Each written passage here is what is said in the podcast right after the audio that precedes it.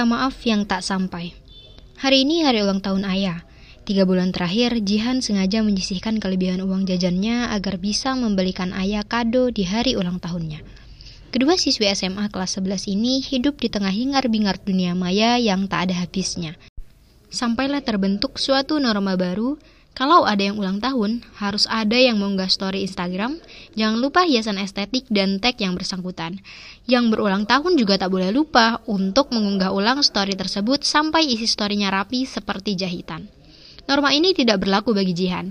Ia merasa lebih baik mengungkapkan langsung. Mendoakannya, kalau ada uang boleh juga beri hadiah. Value-nya lebih besar dibanding hanya sekadar story IG. Begitu kira-kira.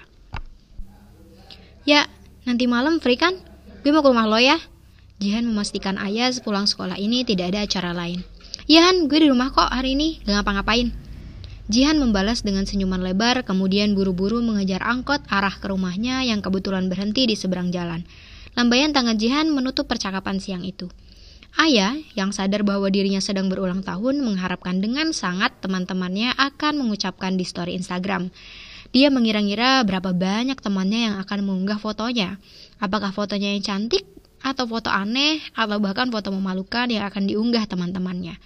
Ayah pulang dengan senyum menghiasi wajahnya tanpa tahu apa yang akan terjadi pada menit-menit setelahnya. Ibu, ayah, dan Mas Gilang sedang berkumpul di ruang keluarga tempat biasa keluarga Jihan menonton TV bersama. Mata ibu merah, bengkak, hidungnya juga memerah. Sedangkan ayah tidak ada air mata yang keluar dari matanya, tapi arah wajahnya menuju ke bawah, lesu. Mas Gilang mengelus pundak ibu sambil sesekali menyeka air matanya sendiri. Jihan yang baru pulang sekolah tidak tahu apa yang sebenarnya sedang terjadi. Belum sempat Jihan bertanya, Mas Gilang segera berdiri dan mengajak Jihan ke kamarnya. Han, pagi tadi toko ayah kemalingan. Semua barang dagangan habis berantakan. Padahal hari ini juga tenggat waktu ayah bayar cicilan rumah kita. Uangnya masih kurang. Ayah, ibu, sama mas tadi ngumpulin uang tabungan yang kita punya.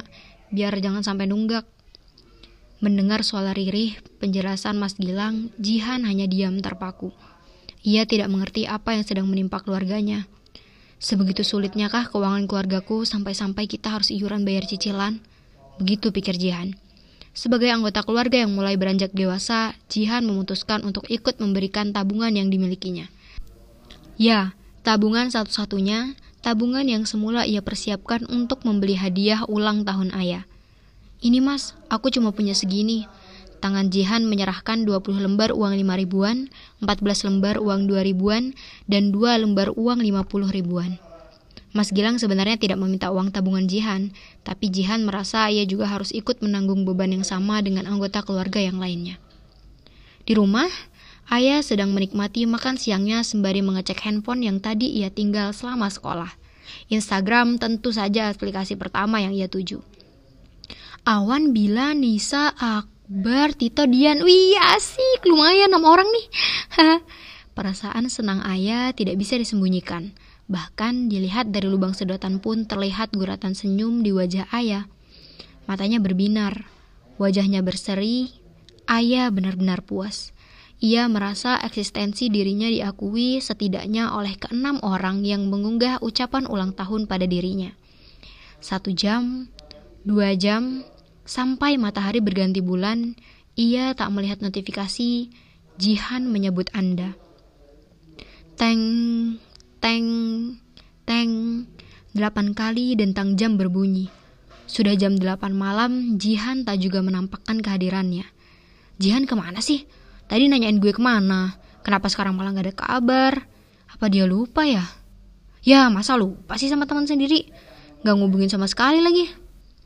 Ayah mulai kesal dengan tanda-tanda menghilangnya Jihan. Otot-otot di wajah ayah mulai mengencang, Pikirannya mulai membuat skenario jahat yang mungkin dilakukan Jihan sebab tak menepati perkataannya. Wajah ibu yang semula merah akibat tak bisa menahan tangis berangsur berubah pucat. Badannya lemas, penglihatannya perlahan menjadi hitam, gelap. Ibu jatuh. Ia pingsan. Ayah yang saat itu memutuskan untuk keluar, mencoba mencari pinjaman, tidak tahu mengenai pingsannya ibu. Mas Gilang menggotong ibu ke kamar dan meminta Jihan memanggil Pak Maman, mantri paling dekat rumah mereka. Jihan tak lagi sempat memoles wajahnya dengan bedak. Ah, jangankan itu, ia hampir lupa memakai jilbab saking paniknya. Jihan berlari ke sana kemari mengambil jaket, lalu memakai jilbab sekenanya. Di luar saat memakai sendal, ada Tio yang kebetulan lewat dengan motor Supra kesayangan keluarganya. Mau ke mana Han? Kok panik amat? Tanya Tio penasaran. Ibu yuk, ibu pingsan. Ini mau manggil Pak Maman. Tanpa pikir panjang, Tio menawarkan tumpangan pada Jihan. Tentu Jihan tidak menolak. Ia tahu ini adalah saat-saat yang mendesak, bukan waktunya menolak bantuan. Entah bagaimana takdir ditentukan, di jalan Bila dan Nisa yang sedang nongkrong di kafe memoir melihat Jihan dan Tio berboncengan. Ayah, yang belum lepas dari handphonenya, masih setia scroll timeline Instagramnya dan sesekali refresh halaman utama. Ia buka satu persatu story teman-temannya, sampailah pada story Bila. Asik, ada yang diam-diam jalan berdua nih, haha.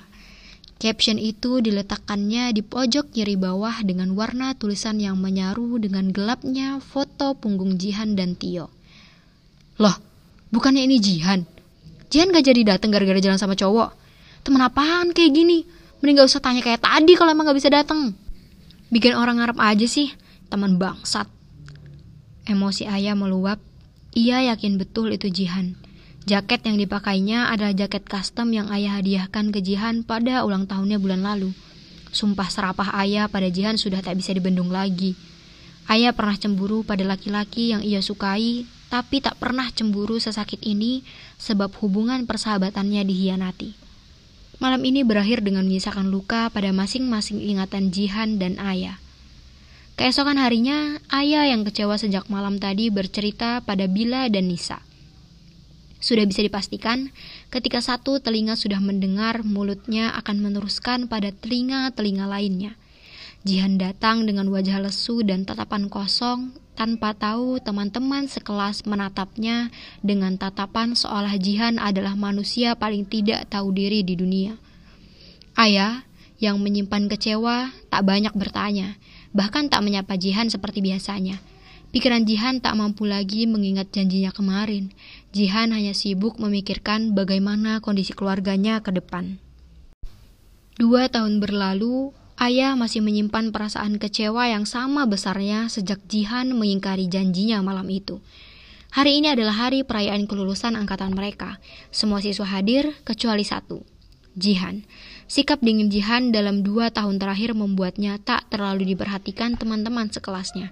Tak pernah ada yang sadar datang dan perginya Jihan selama sekolah, kecuali saat diabsen oleh guru.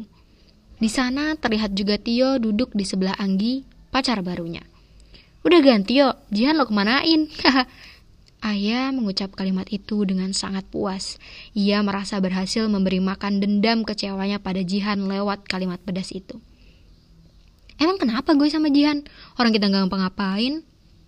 Loh, bukannya waktu itu lo pernah jalan sama Jihan? Pas ulang tahun gue lagi, masih inget banget gue. Tio mencoba mereka ulang kejadian dalam hidupnya. Kemudian ingatlah ia saat di mana dirinya mengantarkan Jihan ke rumah Pak Maman.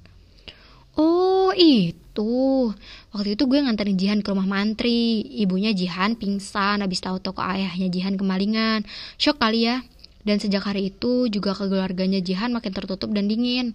Bahkan bulan lalu katanya ibunya hampir gantung diri. Karena perekonomian keluarga mereka nggak membaik. Jihan apa lagi? Sadar nggak loh kalau dia makin dingin sikapnya sejak hari itu? Ya karena itu. Mungkin shock juga sih, ibunya mulai depresi, Mas Gilang juga terpaksa harus berhenti kuliah dan bantu ayahnya kerja serabutan buat kehidupan mereka sehari-hari.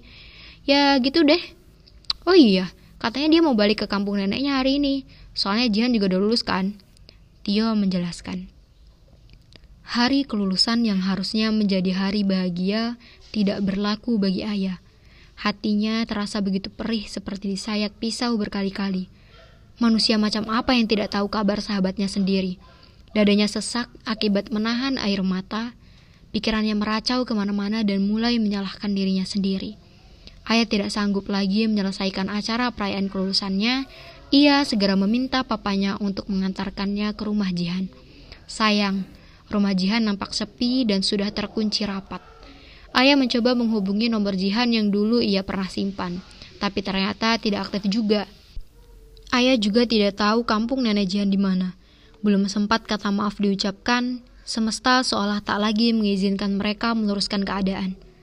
Hari itu benar-benar hari paling berat bagi ayah.